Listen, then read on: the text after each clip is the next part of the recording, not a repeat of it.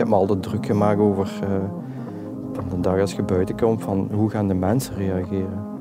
Ja, want je krijgt wel steun van vrienden en zo, en, en, en familie natuurlijk. Maar die staan aan uw zijde. Maar vreemde mensen, hoe gaan die? Gaan ze mij met de vinger nawijzen van ga ik herkend worden of zo? Maar dat is allemaal meegevallen. Ja, dat denk ik niet. Ik heb niemand die mij met de vinger heeft gewezen of dat ze een omgedraaid hey, hey, die of, zo, snapt u zo, dat ze ja, fluisteren zijn of zo als u gezien Dat zal nog wel meevallen, denk ik. Ik, ik, ik heb dat geluk.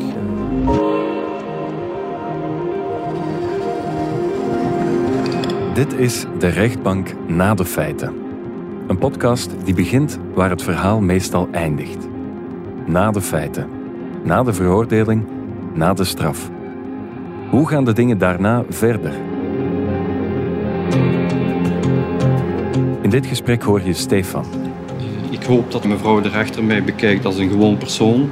Hij gaat in gesprek met Ariane Braccio, de rechter die hem veroordeeld heeft tot een lange gevangenisstraf voor doodslag. Ik heb heel de tijd aangevoeld, dit gaat verkeerd aflopen. Ik had niet verwacht dat ik tot zoiets in staat zou zijn. Nooit. Na een veroordeling gaan rechter en veroordeelde elk hun eigen weg. Ze spreken elkaar normaal gezien nooit meer.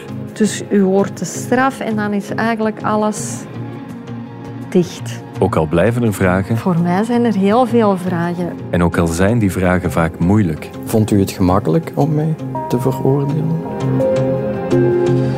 De gesprekken in deze podcast zijn niet evident. Voor mij hoeft het leven niet meer. Het, uh, het mocht stoppen toen hoor. Maar ze zijn belangrijk en nodig. Dat is wel een beetje ontmoedigend, hè, wat u zegt voor ons. Als het is wel de realiteit.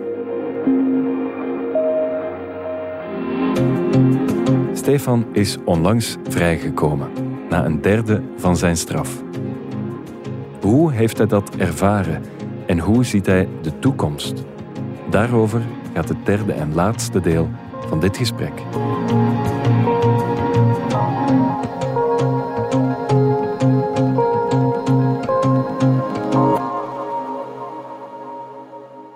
Leef je dan heel erg toe naar de dag waarop dat je de aanvraag kan doen voor de vervroegde invrijheidstelling?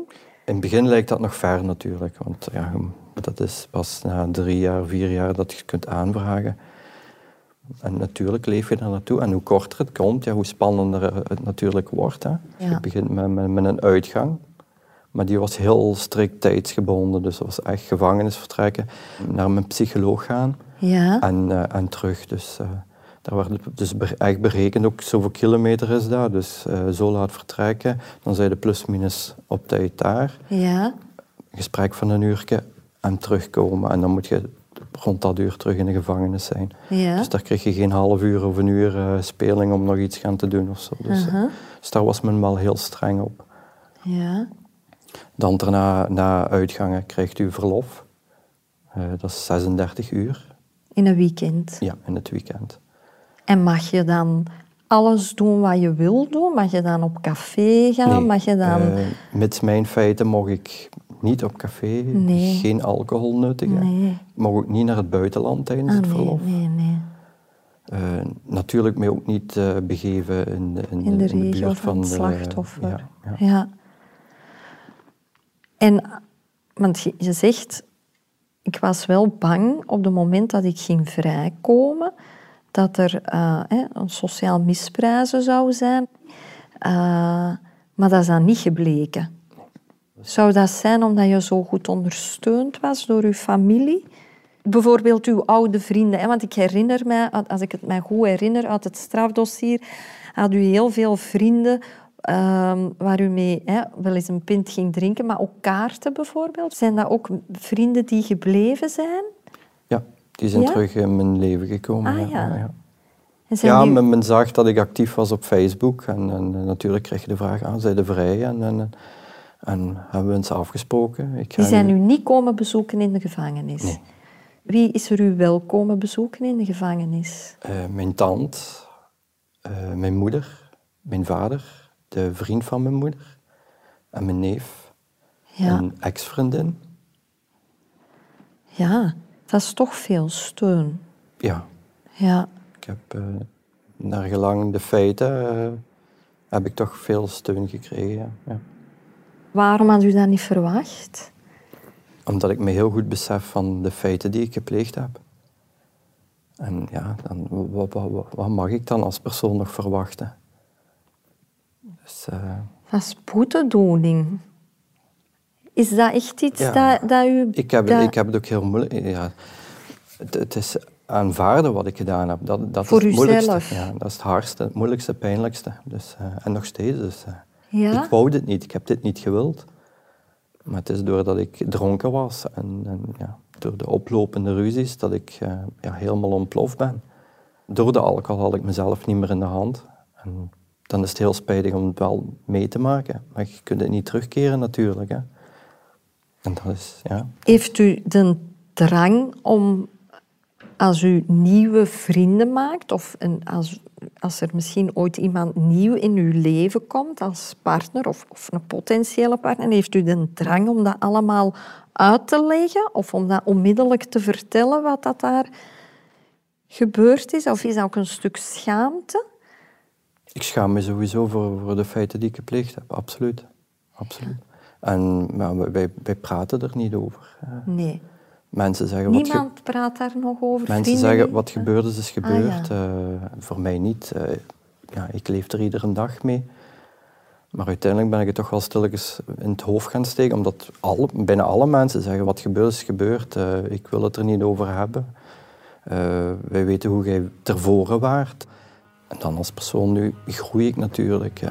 je neemt dat op. En, eh, Wat gebeurd is, is gebeurd. heel goed. En dat valt niet ongedaan te maken. Stefan moet daarmee leven. En met hem zijn omgeving. Zijn ouders, zijn familie, zijn vrienden, zijn kennissen. Want ook voor hen is wat gebeurd is, gebeurd. En ook zij moeten daarmee verder.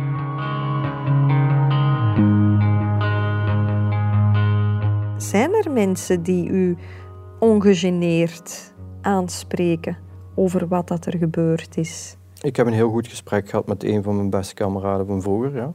Ja, Dus eh, dan zijn we eh, naar een dartswinkel in, in Mol gegaan. Daar hebben we toch bijna een uur gereden. Een uur heen en een uur terug.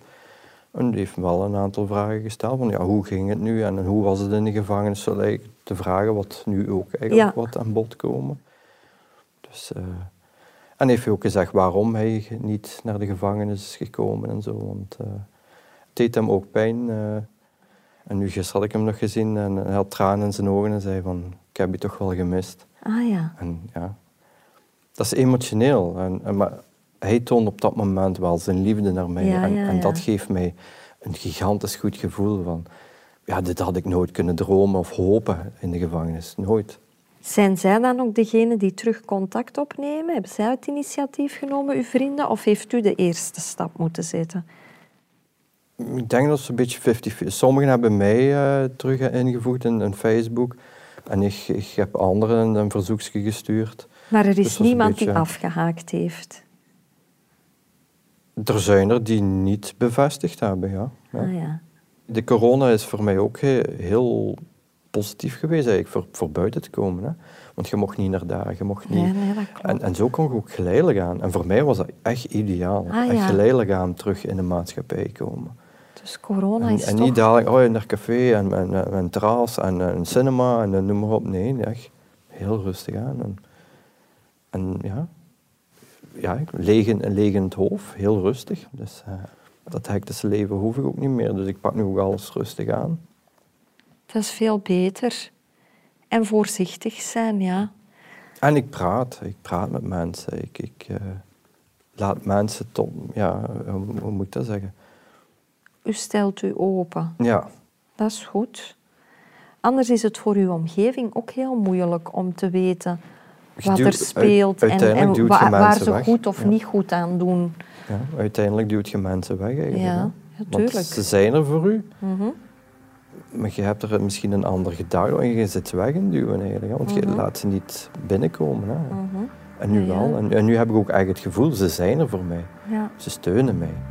Heel belangrijk wel, die steun dat u die Ja, heeft. Die is er ook niet voor iedereen. Nee. Hè? Helaas niet, nee. Nee. nee. Nee.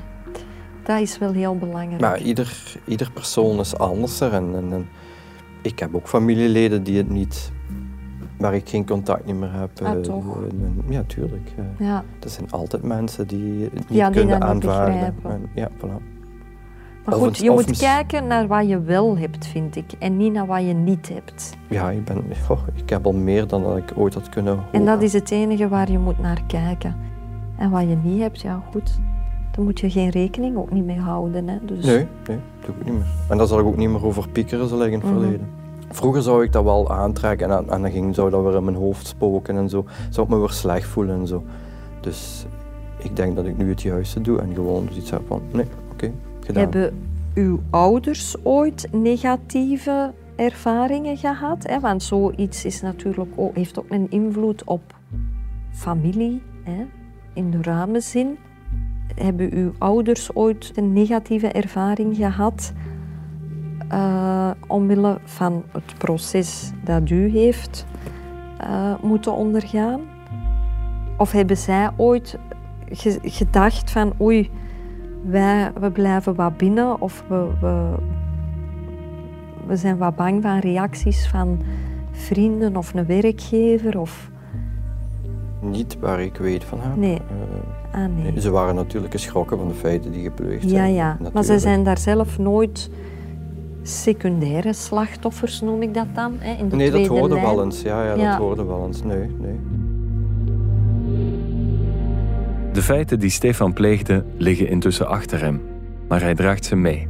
En dat zal hij blijven doen, onvermijdelijk. Er is een voor en er is een na. Heb je het gevoel dat je dit ooit helemaal achter u kan laten? Dat er inderdaad nog een zorgeloze toekomst is? Of Vergeten wat gebeurde, zal, dat zal nooit. En 100% gelukkig zal ik ook nooit worden.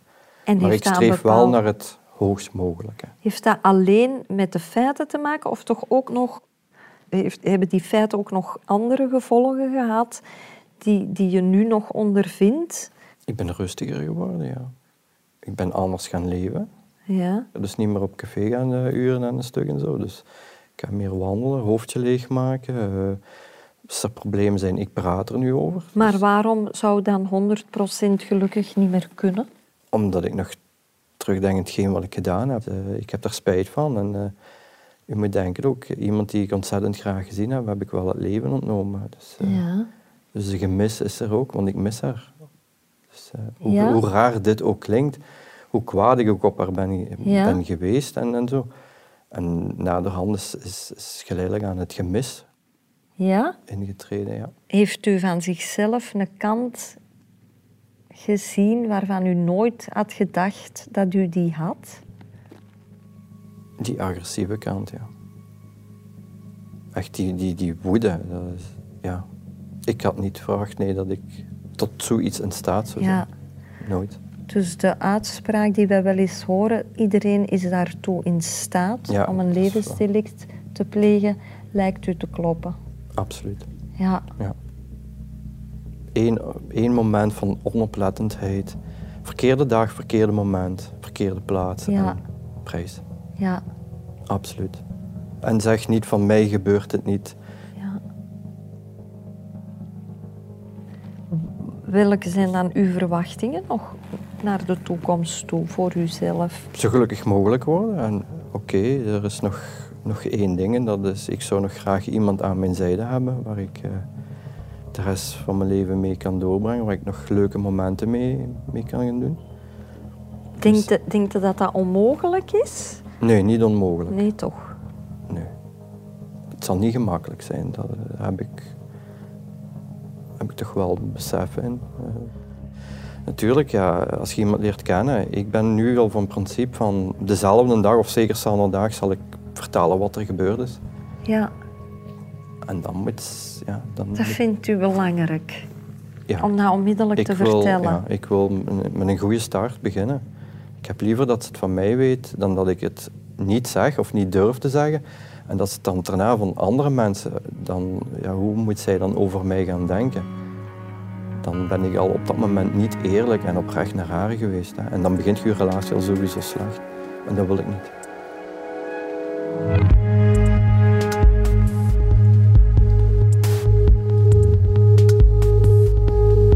Praten. Durven praten. Dat heeft Stefan de voorbije jaren geleerd. En dat is Ariane Braccio niet ontgaan. Ik vind u nu al ik- erg gegroeid, eerlijk gezegd. Ik heb eh, heel veel stappen vooruit gezet. Ja. Ik zie u natuurlijk maar heel even hè, op zo'n proces. Het duurt een voormiddag, maar u maakt op mij een veel andere indruk dan toen. Ja, ik begrijp dat wel. Hè. U, u komt voor uw proces, hè. u komt niet voor bij mij op de koffie te zitten, dat weet Nee. ik ook wel. Hè. Ik ben sowieso al een teruggetrokken persoon. Hè. Wel, voilà, ja. En, en- en een beetje verlegen. Dus. Ik was er misschien ook wel wat bang voor, want ik dacht, ja, misschien... Ik weet, ik herinner mij van het proces dat u niet veel gezegd heeft. Ik ben losser geworden, ja, omdat ik ook, ja, ben ook wel wat opener geworden. Ook, ja. Ja, Maar ik wil er iets goeds van maken. ja maar ik ben En- daarvan overtuigd. Maar ik denk ook dat je niet moet willen lopen voordat je kan nee, nee, nee, stappen. nee, nee, nee, nee, nee. En over dit gesprek, ja, ik, ik, ik wou het graag aangaan. En iets wat ik wil, dan ga ik er ook wel voor. Ja. Ik, Wel, ik vind het ook fijn dat u tegenover mij geen... eh, geen hè, want ja, Nee, nee ja, dat hoort je wel. Ja, dat gedetineerde de rechter viseren en zo. Nee, dan moet je eigen fouten viseren. Niet de rechter. De rechter doet gewoon eh, haar of zijn werk. Klaar. U heeft dat gedaan. En ik vind het heel fijn dat u mij eh, eerlijke antwoorden heeft gegeven. Ja. Had u nog vragen voor mij? Ik had er een aantal opgeschreven, maar ik denk dat ik de meeste wel... eh, ja, Toch gesteld heeft. ja, nee, de laatste nog, ja. Wel, welk gevoel heeft u nu? Ja. Ah, ik heb nooit getwijfeld dat u zou ehm, lessen trekken uit wat er gebeurd is en uit uw veroordeling. Dus ik heb nooit getwijfeld dat u zou reïntegreren eh, en, en lessen zou trekken uit, uit heel het verhaal. Ehm, en ik ben ook heel blij om te zien dat dat zo is. Ehm, ik heb zelden mensen die ik veroordeel, waar ik. ehm, ik moet mij voorzichtig uitdrukken, maar er was en dan spreek ik misschien niet zozeer als rechter, maar meer als mens. Ik had een heel goed oog in wat u nog zou doen na uw straf. Ik Was u daar zeker van? ja. Ja. Ja, daar was ik zeker van. Ik vond dat er heel veel oprecht schuld in zicht was tijdens het proces. Ik vond dat er ook oprechte spijt was.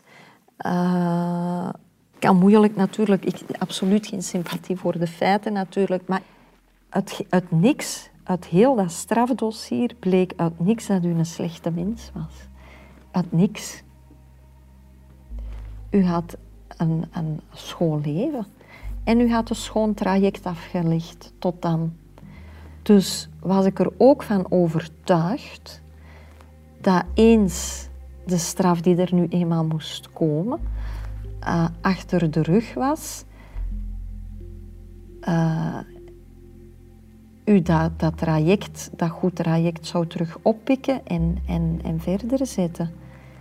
Iedereen in het strafdossier die over u als persoon heeft getuigd, was eigenlijk misschien op hier en daar eens een keer een detail na. Heel positief, hè?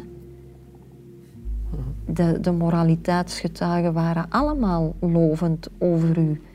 Ehm, en dat bevestigde eigenlijk alleen maar wat ik ook in het strafdossier voor de rest had gelezen.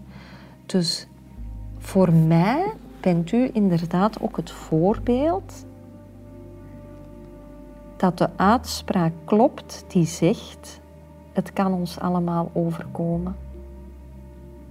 Ik heb altijd het gevoel gehad dat u inderdaad ja, door de omstandigheden ja, over de rode bent gegaan.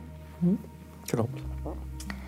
En dat uh, als u dat kon in die omstandigheden, dat vele anderen dat ook kan overkomen. Wie we ook zijn of wat we ook doen. Uh, het heeft niks te maken met geslacht, met nee. leeftijd, met opleiding, met beroep. Uh, ja. En daarom was ik er ook van overtuigd, ben ik er ook van overtuigd, dat u, dat u uh, wel nog misschien zitten we ook nog wat te kort achter de feiten. Hè. U zit ook toch nog altijd in dat reïntegratieproject. Er is nog altijd toezicht, de begeleiding van justitie, hè. de voorwaarden, de enkelband. Maar ik denk wel dat u, uh, ik ben er eigenlijk van overtuigd, uh, dat u uw oude leven met iemand aan uw zij dan, in, in, in, in een positieve relatie, dan dat dat u gaat lukken. Ik ben ervan overtuigd. Dank u wel. Dat, dat doet mij heel goed. En, uh... Ik wens u alleszins heel veel succes bij uw verder traject. En uh, ja, en op alle vlakken trouwens. Hè. Ik denk dat het u wel gaat lukken om uw leven terug, uh, terug helemaal op de rit te krijgen. Ja. Dank u wel. Nee, fijn om te horen. Nee, dat, uh, daar kunnen we alleen maar weer van, groeien.